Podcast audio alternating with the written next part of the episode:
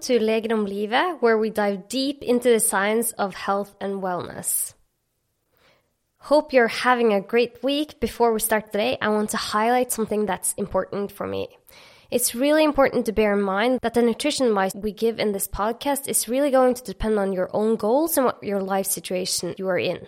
For example, if you struggle with or you're recovering from an eating disorder, it's likely that the advice you need regarding nutrition is different from someone that has type 2 diabetes, for example. With that said, today I'm thrilled to have a very special guest, Jessie Inchauspé, also known as the glucose goddess. Jessie is a French biochemist whose life took a dramatic turn after a severe accident at the age of 19, leading her to a passion journey into health science. Today, she's a New York Times bestselling author behind the book Glucose Revolution The Life Changing Power of Balancing Your Blood Sugar, a book I love and is called Glucose Revolution for my Norwegian listeners. She has now released her second book, The Glucose Goddess Method, your four week guide to cutting cravings, getting your energy back, and feeling amazing. Before writing her latest book, she recruited 2,000 volunteers to test her program. 70% reported better energy, 90% reported reduced cravings, and 40% participants reported better metrics. And a staggering 99% of those who took part were impressed enough that they would continue their habits for life. Jessie is known for her groundbreaking work on the impact of blood glucose on her overall well being. Her insights on balancing blood sugar have transformed the lives of thousands showing us that the path to optimal health can be both accessible and delicious. Welcome, Jessie Inchauspé. It's an absolute pleasure to have you with us today. Thank you, Annette, for having me. You've helped countless individuals in managing their blood sugar levels and have provided support for so many struggling with various health challenges such as sleep disorders, skin dis- conditions, weight loss, hormonal imbalances, and people even report that it has had a huge impact on their mental health. It's astonishing to hear all these, all these, um, what do you say, testimonials. Testimonials. Yeah. Could you please explain to us how can balancing your blood sugar have such an, a huge impact on our health? Well, first of all, I was quite surprised when I realized all these connections. And the situation is in it that your every single part of your body uses glucose for energy. So your brain, your heart, your fingers, if you're listening to us right now, you know your little neurons in your brain are using glucose to understand and think. So glucose is the fundamental energy, fuel, sustenance of your body. And so because it is so important, if it's not doing well, if it's dysregulated, if you're giving your body too much, too little, if it's too variable, it's going to impact every single aspect of your health. And then depending on you know, your medical history, your body, it's going to create different symptoms. So in some people, when your glucose levels are out of whack, it can create mental health issues. It was my case. It can increase mm. symptoms of depression and anxiety. In other people, it can make hormonal health more difficult. So lead to things like polycystic ovarian syndrome or difficult menopause. And in most of us, it seems that dysregulated glucose leads to cravings, fatigue and hunger those are sort of the the base symptoms for all of us but then yeah it affects every part of the body huh it's uh, it's so um, I've walked around with a blood glucose monitor for several months now. How has it been? It's been great and very um, important for me because I've I'm I think that I eat very um, healthy from before. Yeah. But after I started and I saw how this, my, for example, my oatmeal cappuccino oh, on an empty stomach, how Were that you an oat milk person? I love oat milk cappuccinos. You do? what is the, can you tell me what is the deal with oat milk? Why do people love it so much? I don't like it. So I, I don't oh, understand. I just like the sweetness of it yeah. and that it's coffee in it. And it, I, I, I, don't know. I just love it. But well, I haven't stopped drinking it.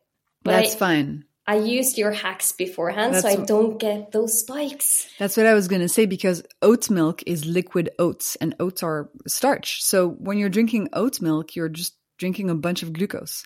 And yeah. um, for a lot of people, it's easier to just cut it out. But if you're a big oat milk lover like yourself, then yeah, there are things you can do to reduce the impact. So have the oat milk cappuccino after breakfast instead of on an empty stomach, or go for a walk afterwards, mm. etc.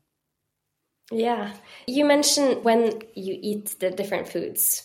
Yes. Uh, so your approach to nutrition emphasizes not just what to eat, but also how and when to eat certain foods. Yes, exactly. Could you please elaborate on the concept of food orders and its significance? Absolutely. So there's incredible scientific uh, studies showing us that if we eat the elements of a food in a specific order, we can reduce the glucose spike of the meal by up to 75%. Hmm. And this is important because if you experience a glucose spike, that leads to inflammation, it leads to aging, it leads to insulin release. And that's the thing that's going to create all the symptoms from cravings to brain fog to, you know, mental health disturbances to fatigue to skin problems. So the glucose spikes are what you want to avoid and reduce. And so the hmm. right order to eat your food in, in order to reduce these spikes is the following.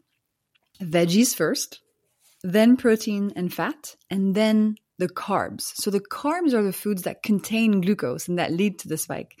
So carbs are things like starches, so bread, rice, pasta, potatoes, oats, oat milk, or sugars. So anything that tastes sweet from a chocolate cake to an orange, right? And so hmm. if you have the veggies at the beginning of your meal and the carbs at the end.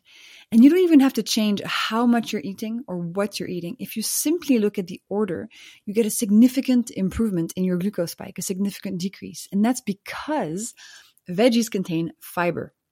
And fiber is an amazing superwoman we love her. And if you eat fiber, if you eat fiber at the beginning of your meal, the fiber has time to coat your upper intestine and create like a protective mesh, protective shield that's then going to slow down how quickly glucose molecules arrive into your body afterwards. So I love these little principles or hacks because they're not difficult. We're not talking about doing an extreme, you know, ketogenic diet or never eating chocolate again. We're talking about small tweaks, small principles that can really help you feel better in a matter of hours. But how? How can, because you still get in, you still absorb all the sugar, but how can, or. Yeah, no. So when you have that fiber mesh in your upper mm. intestine, it actually prevents glucose molecules from going through. So you're absorbing less, fewer glucose molecules. More glucose molecules are going down to your microbiome without passing through to your bloodstream. And whatever ah. molecules you are absorbing, they're actually getting into your bloodstream more slowly because of the fibrous mesh. So you have two actions. The first action is that a bunch of glucose molecules just don't make it through to your blood. And the second action is that any glucose molecules that do go through, they go through more slowly.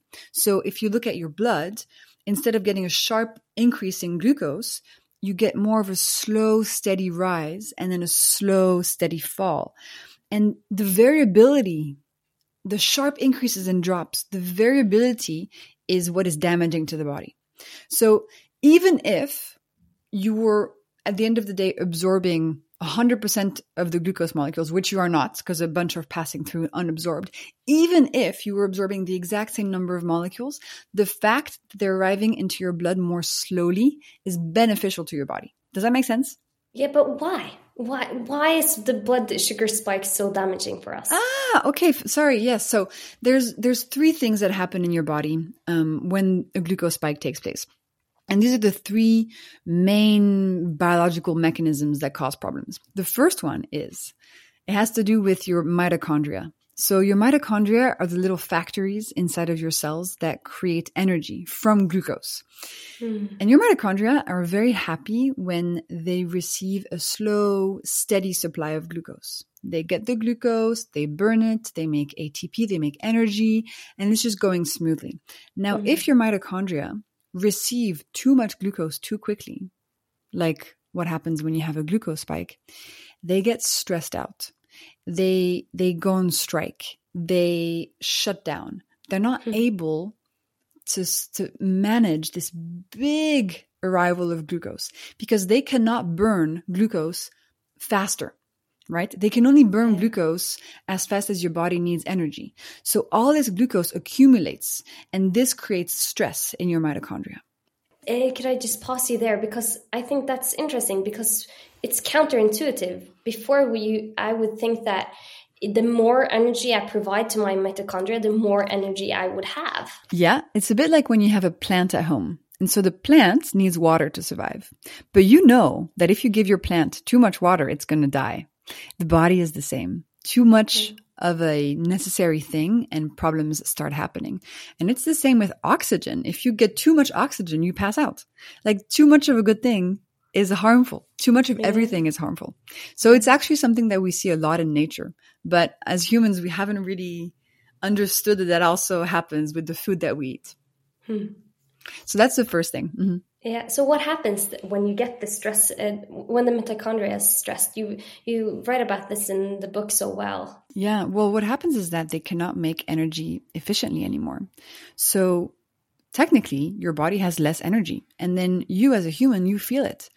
When you wake up in the morning, you're exhausted. You need three coffees. They don't really do anything. Picking up your kids from school is exhausting. Going to the grocery store you don't have enough energy to do anything. And, you know, 6 p.m. rolls around and your to do list is exactly the same as when you woke up in the morning. You just do not have the power. You're just, you're just exhausted. You're burnt out. And a mm-hmm. lot of us can relate to that feeling. And the solution is not, you know, more coffee. The solution is to fix the little factories in your body that are very happy to make energy for you if you give them the right conditions. Hmm. Yeah, that's uh, that's uh, so important knowledge. Yeah. And something else that complicates this is that when we eat something sugary, so when we eat something sweet like um, orange juice, we think we're getting energy because we feel this rush in our brain from the sugar. And that rush is dopamine. It's the pleasure hormone. Mm. But on the inside, at the mitochondrial level, our energy capacity is reducing.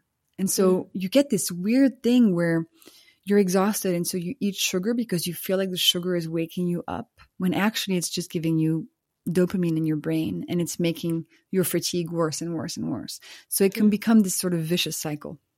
Hmm. That is very interesting. And it's it, when you explain it like that, it's so easy to understand. Mm. So that's one of the um, things that happen when you yeah. get a glucose spike. But you write in the book also that there's two other things that happen. Yes. Could you explain to us? For sure.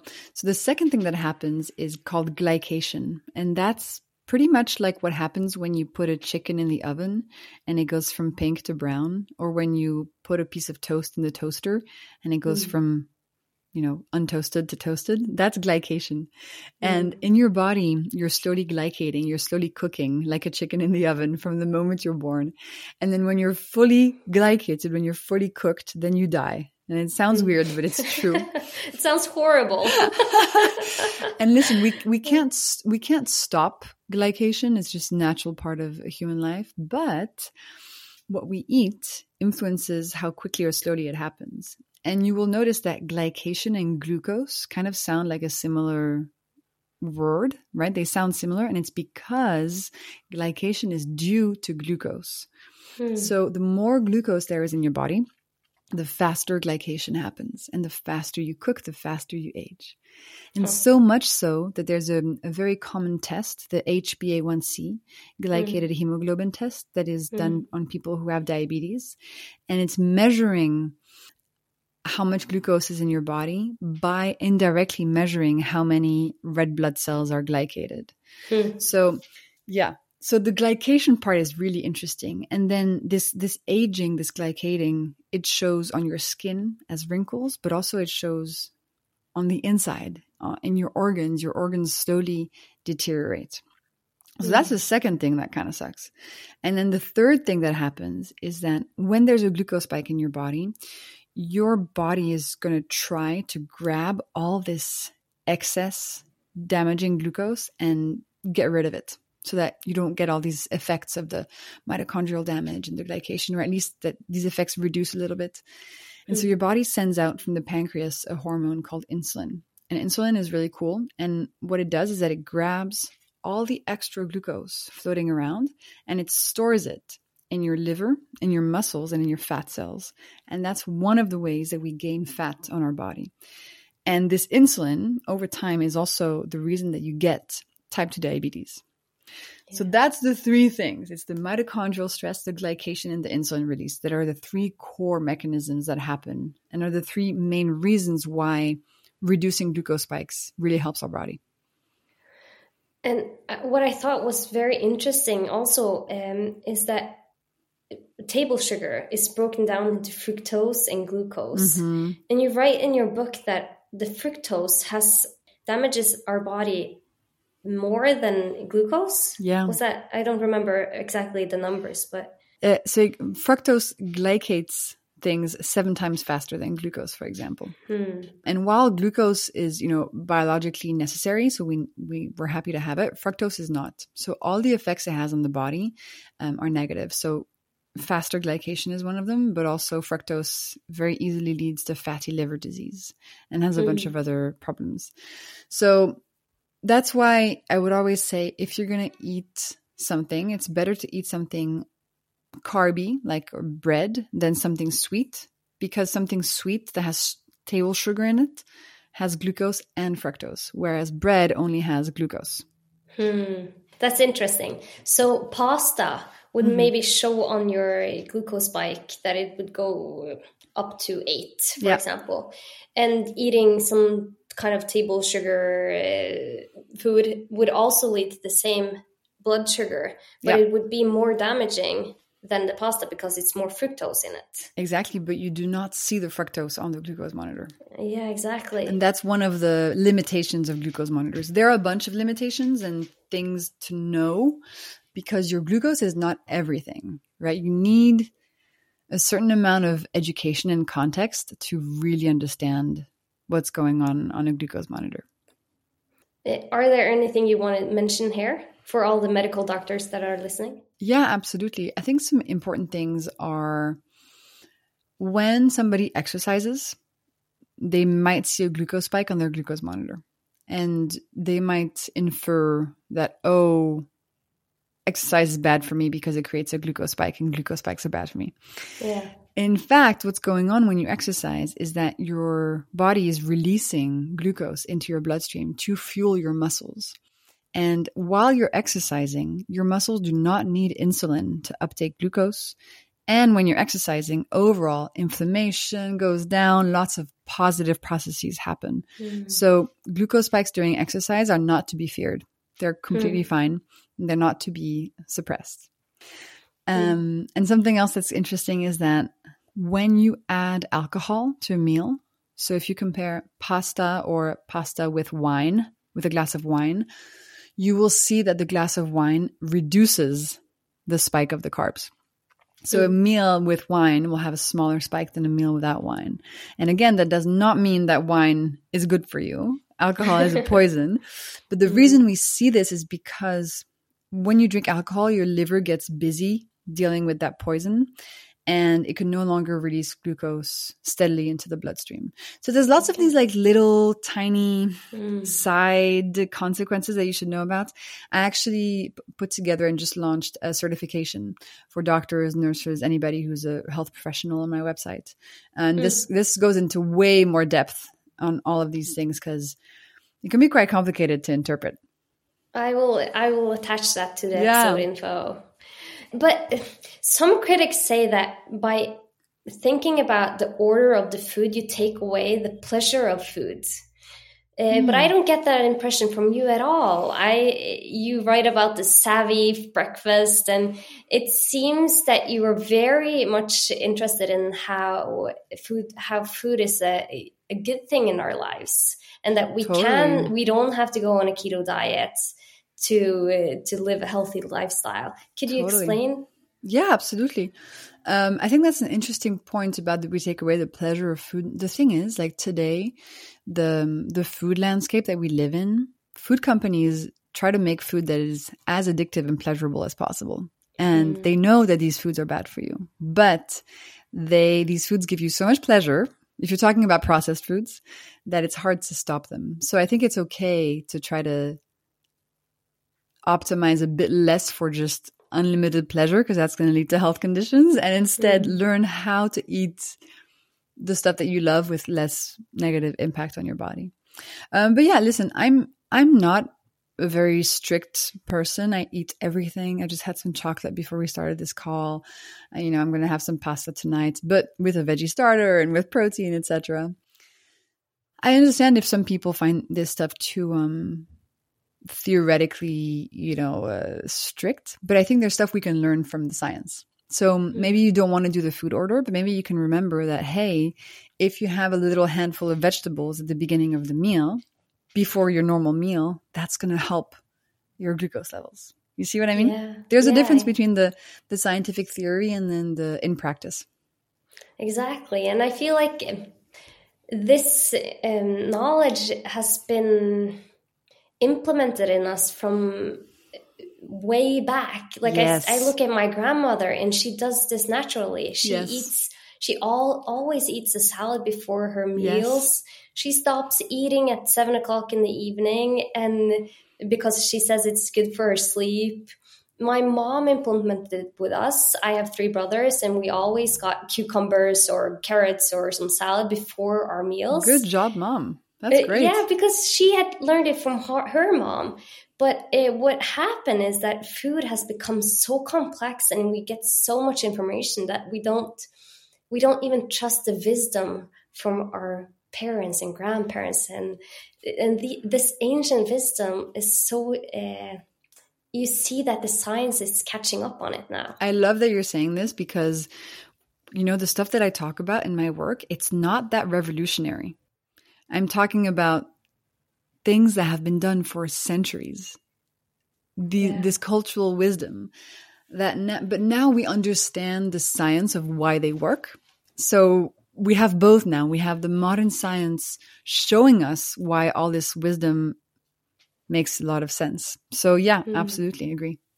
And I'm so happy we have the modern science that is backing this up because absolutely. it it has to be a reason why so many cultures around the whole planet is is doing this. And what we're seeing now is that with all, I don't know in uh, France, but in Norway, over 50% of what we eat and even more for the kids is ultra processed foods. And ultra processed foods have a lot of glucose and fructose. It has a lot of starch in it. Yeah. and i can't not be concerned about how this is impacting us and how this is impacting our kids especially the kids that because they're they're not eating as much as us adults and everything they eat is it's important that they have get the nutrition they need. What do you totally. see how do you see that there's starting to be a change in europe? Because you work all around the world. I think we need regulation in the food industry. Yeah. I think we need to prevent food manufacturers from advertising to kids. We need to get rid of all those little cartoons on the cereal boxes. We need yeah. to make sure there's limits on the amounts of sugar and salt that you can add to food. Um, and we need to make sure that food companies cannot make health claims on ultra processed products. So, you know, yeah. parents, they want to give their kids healthy food. So they see a box of cereal that says high in fiber. And so mm. they're like, oh, this must mean that it's good for my kid. Well, mm. not necessarily, right? Usually when you see health halos or no added sugars, I hate that one because no added sugars does not mean the food doesn't have sugar in it. It can have huge amounts of sugar in it. Um, we need regulation for sure 100% and the food industry will evolve and make healthier products. And you know this has happened many times and we can make it happen again. And we need to teach people from the ground up what's actually going on. And that's what i try to do in my work. I try to educate so that everybody has a very simple easy understanding of nutrition and biochemistry so they can make informed choices. But um, yeah. yeah. things need to change and we need to push more. And unfortunately, a lot of this is falling on the younger generations that are sicker and sicker and eating more and more processed foods. And this is leading to mental health problems and physical problems and growth problems. So listen, it's yeah. a huge problem and I'm, I'm doing, you know, my tiny, tiny, tiny part here, but we all need to push towards this. Yeah I I recent, recently uh, interviewed uh, Chris Palmer. He's a um, yeah, uh, you know him. He's a prof, uh, associate professor from Harvard, and he's talking about how um, all the glucose is impacting uh, mitochondria and mental health. And what he was saying is that mental health we're in a crisis right now because mm. so many kids, so many young adults yeah. are you're seeing a rise in mental health issues and. Yeah what I'm thinking is we give our kids we we always want to give our kids the best. We yeah. always all, every mother and father I know wants the best for their children. Totally. But it's become so difficult because it's become more complex what to eat and what not to eat. Yeah. But what do you think how could you just take us through a day um, if we give for example our kids some cereal and oat milk for mm-hmm. breakfast what happens to that that metabolism and uh, the health of that child okay so if in the morning you give your kid essentially a big glucose spike for breakfast right because what you're describing is pure carbs so pure starch pure sugar massive glucose spike so your child is going to eat the breakfast and then within about 20 minutes glucose is going to start arriving into the bloodstream okay because digestion is happening the amount of mm. glucose is going to steadily increase, increase, increase until it reaches this threshold that's causing a spike. It's going to damage the mitochondria. Your kid is going to become tired. It's going to mess up their hunger hormones. So, two hours later, they're starving. They're so hungry, their stomach hurts. They're having cravings for more and more sugar. That's not all. The glucose spike is going to impact their brain. It's going to slow down the speed of the signal between neurons. So, if your kid is going to school, they're not going to be able to think as well. They're going to have a bit memory issues, like blurriness. They're not going to be performing properly. And then they're going to kick off this glucose roller coaster because when you have a spike at breakfast, what happens is that then your whole day becomes dysregulated. So you have spike at breakfast, drop at 10 a.m. Here you're hungry, nauseous, cravings, exhausted. You eat yeah. your kid is going to eat more carbs because that's what they mm. crave when they're on the roller coaster. And puff, it goes back up high and again a crash. So your whole day is this up and down, up and down roller coaster, leading to inflammation, to brain problems, to fatigue, to more cravings, to mm-hmm. impacting their personality. They will be more irritated. And then that night, they're not going to sleep as well. And then it's this vicious cycle that you just get in. Plus the fact that sugar is addictive. So the more you have it, the more you want it. So it's, it's truly remarkable the, the depth of the impact that a breakfast can have on your yeah. on your day and on your life. And I don't think we we fully realize as a society how much it impacts us. It, it runs deep. So if you just switch from cereal, orange juice, and oat milk to something savory, so salty, so it can be like a slice of bread with some ham and some avocado. It can be some cheese with some leftover potatoes from last night. It can be some eggs, of course, you know, eggs are great. It can be some meat or some fish, etc. This will change your kid's day completely. And if switching to that feels a bit too extreme because it's a big step, you could do something like instead of cereal and oat milk, you could have you could give them some yogurt, so some plain Greek yogurt with some nuts and some berries. So it still kind of looks like a bowl of cereal, kind of ish. Mm-hmm. and you're slowly getting them to a better glucose place. Oh. Wow, that's um, yeah, the depths of what our kids are getting, and uh, even us in Norway, we eat a lot of bread. Yeah, slices of bread. Everyone eats that for breakfast and with lunch. what on it though? And we have everything from, we call it brown cheese. It's mm. a cheese with a lot of sugar in it, or just uh, plain cheese, or jam. We use a lot of jam. So if you eat a, bread, two slices of bread in the morning with the jam, you get a huge blood glucose spike. I've seen it on myself. I've tried everything just to see how it impacts me and how it impacts my mood and how yeah. it impacts my energy. And I, I can, I can explain exactly the same what you're explaining with the kids at 10 a.m i'm i feel drained. I feel like i have brain fog. I feel like i just want to go back to sleep or i feel like mm. agitated. It affects my mood in such a huge way that i would never have understood if i hadn't walked around with the blood glucose monitor.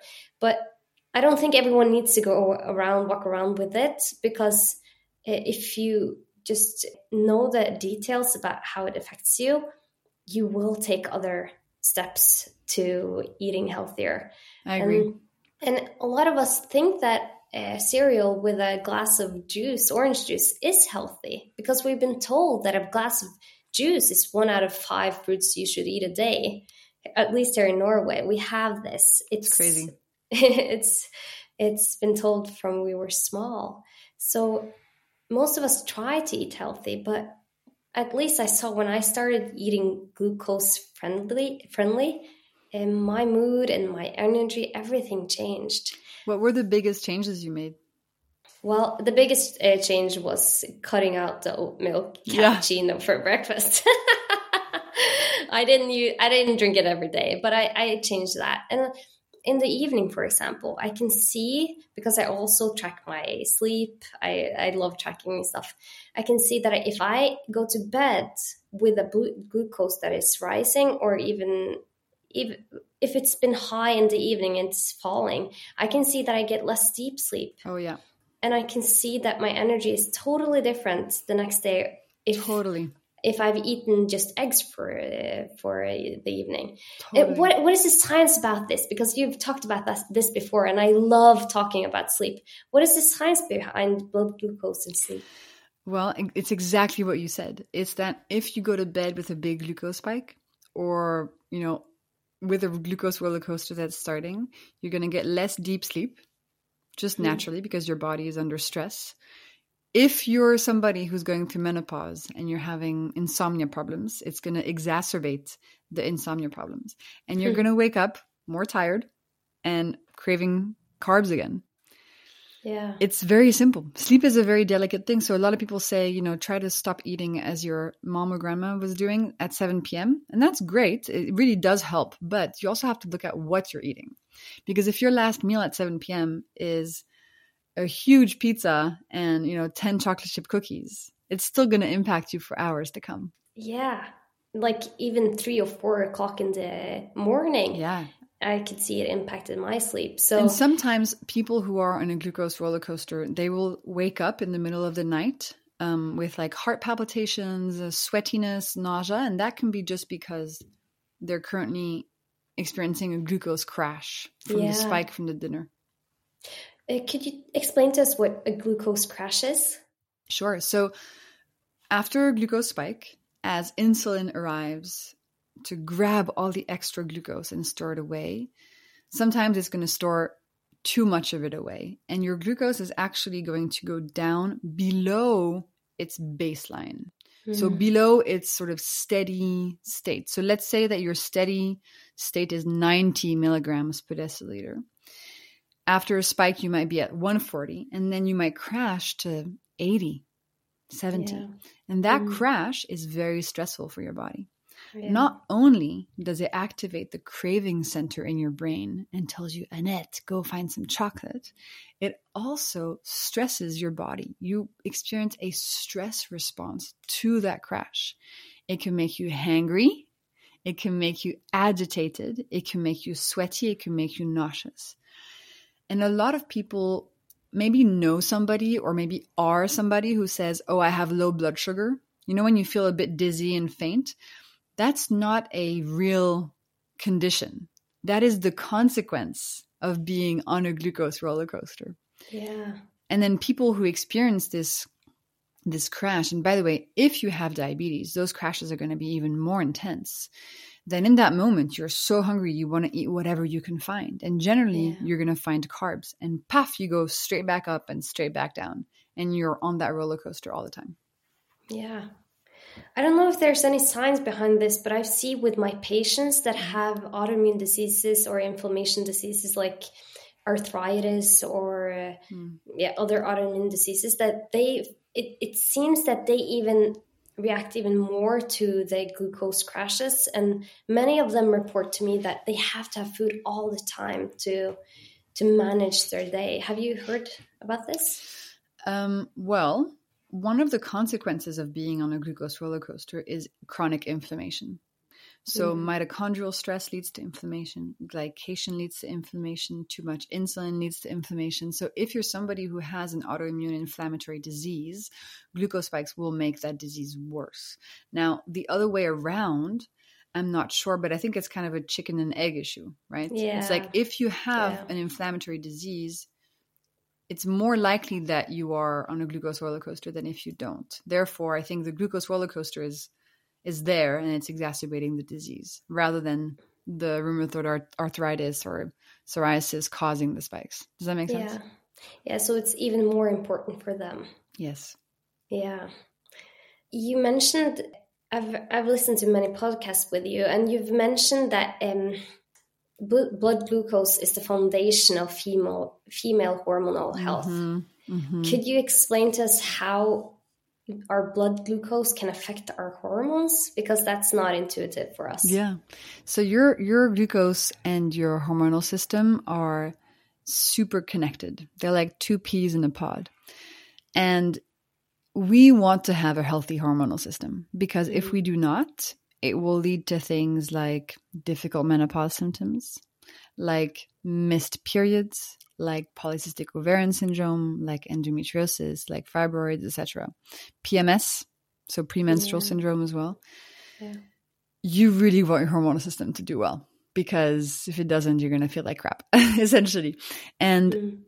if your glucose levels are out of whack, your hormonal system cannot function well. So it's just the it's just a prereq- prerequisite for a healthy hormonal system, and so much so that you know one of these very common conditions, so PCOS.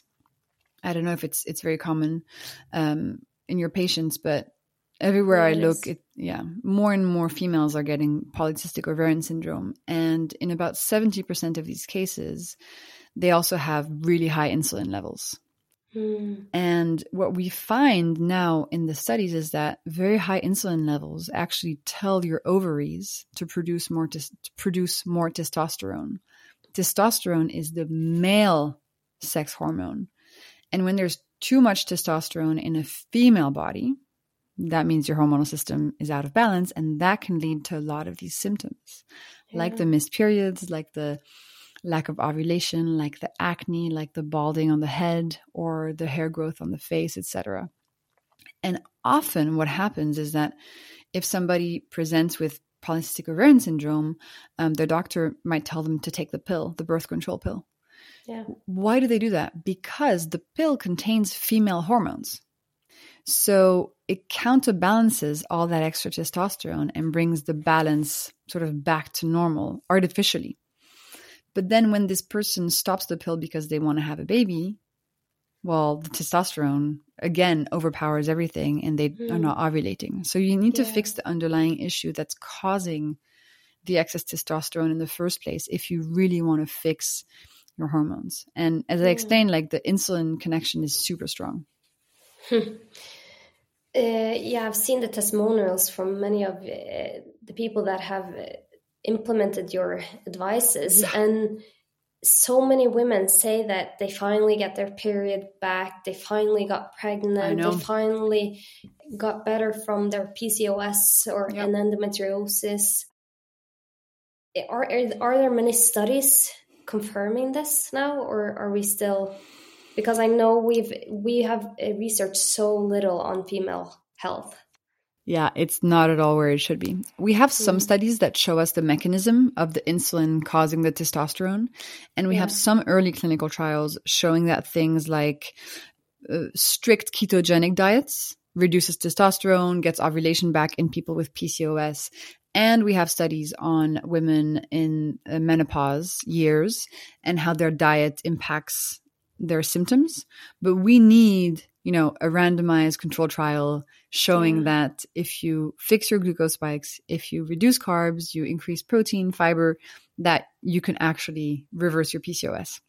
Hmm. But uh, no, no big study that I know of has come out yet. There's more. There's more stuff coming out on the menopause, which is cool. Uh, but in terms of PCOS, yeah, it's it's drastically understudied. Yeah, I hope it will pop up everywhere now. Me too. Me too. Me But too. We are talking about menopause. How Yeah. how can it help with the menopausal uh, issues? Well, in a body that's going through menopause, first of all, the menopause is a very intense phase. Like you don't feel like yourself anymore. Everything feels like an earthquake. It's it's very weird as your hormone levels drop drastically. it's it's pretty hardcore. And if underlying all this, you have a baseline of inflammation, of insulin, of glycation, it's going to make the symptoms and the experience worse. It's a bit mm. like imagine that your glucose levels are like a, a, small boat and you're in you're in this small boat right and the people in the boat they can be jumping they can be fighting and they can be doing all this crazy stuff if the boat below is stable it's going to be okay if the boat below is also rocking like crazy and you add on top of it all these behaviors and other stuff going on then people fall in the water right yeah. so you want to get that boat as steady as possible so that it doesn't make things worse Mm. It's sort of like a it's it's like a stacking system, if you will. And because everything in the body is connected, if your glucose levels are out of whack, it's going to make whatever else is going on in your body worse. Very simply. Yeah. I love that picture, and I love that you're uh, focusing on how to see the the core issues here. Mm. What is below the symptoms that we're having? Symptoms uh, are messages. That's the thing. Yeah, and and I heard, well, I read in your book that you went through a very difficult time in your life when you were mm-hmm. 19, which led you on this path. Uh, could you explain to us how you yourself have changed your um, your diet and your lifestyle to get better? And yeah. can you explain to us what happened? Yeah, of course. So I had a very easy health wise childhood and teenage years, no problems. And then at 19, I have an accident. I break my back jumping off a waterfall. And it completely changed everything for me. First of all, a lot of physical pain and recovery. I had super intense surgery. It was a nightmare. But then I started getting mental health issues. So depression, anxiety, dissociation. And all of a mm. sudden, from someone who never had any health issues, I felt like I was living a nightmare. Mm. I did not understand what to do to feel better. I felt super alone. I felt super confused. I mean, like it was it was hard. It was very very hard. And it took me 10 years before I started getting a, a clue. And the first clue I got was wearing a glucose monitor in 2018 randomly as part of a research study in the company I was working at. And I saw that the days where I had more glucose spikes, my mental health was worse. Huh. And the days where my glucose levels was steady, I felt better. Hmm. Sounds like nothing, but to me, it was finally somebody had turned on a light in my brain. I was like, oh, wait a minute. Maybe the way I'm eating is influencing my mental health. And so from that moment on, I became super passionate. And so I, you know, I switched from having cereal and orange juice and Nutella crepes to having only protein in the morning. I switched from having naked carbs to always having a veggie starter. I mean, I just started finding all these principles and hacks in the scientific studies, and they helped me so much. And they, the, the balancing my glucose levels, you know, it didn't fix 100% of the issue, but it gave me that foundation, that that steadiness that then allowed me to say, okay, I have enough energy to go and find a good therapist and start doing, you know, some therapy work. It gave me enough energy to say, hey, I'm going to try to go to the gym now and like move my body. And so I found this Pilates class I liked and dance class. It put, it, it was the first step and it was so important because when you feel broken, everything feels so overwhelming and you cannot even imagine how you're going to get to a place where you feel better and you're doing all the things you're supposed to do yeah. so yeah for me it was a godsend to be able to um, to start somewhere and to find this first step that i could take that was easy that was not restrictive and that gave me immediate benefit yeah and that has led to you reaching out to millions of millions of people. I know, it's crazy. And your book has been translated in I don't know how many countries now 40. Uh, and it's been sold in I don't know how many, but it's it's it's a huge success. And yeah. it wouldn't have been such a success if it wasn't because people feel it immediately. Yeah. When they start balancing their blood sugar, they Absolutely. see that what you're saying is fitting with their life it's it's they see the correlation Totally. Uh, and it, it's changing lives. So I'm so happy that you have started this path with telling people and spreading the knowledge about this because it's so important. Thank you, Annette. I was wondering some a few last questions before I let you go for the day because I know you have a very tight schedule. But for, for those inspired by your journey and looking to make a change in their own lives, what it would be your top piece of advices? Have a savory breakfast, not a sweet one. This is mm. the it's the first pillar and it's so powerful. So in my book I have lots of explanation on how you build a breakfast that is based around protein and keeps your glucose levels steady. So that's one thing I would say.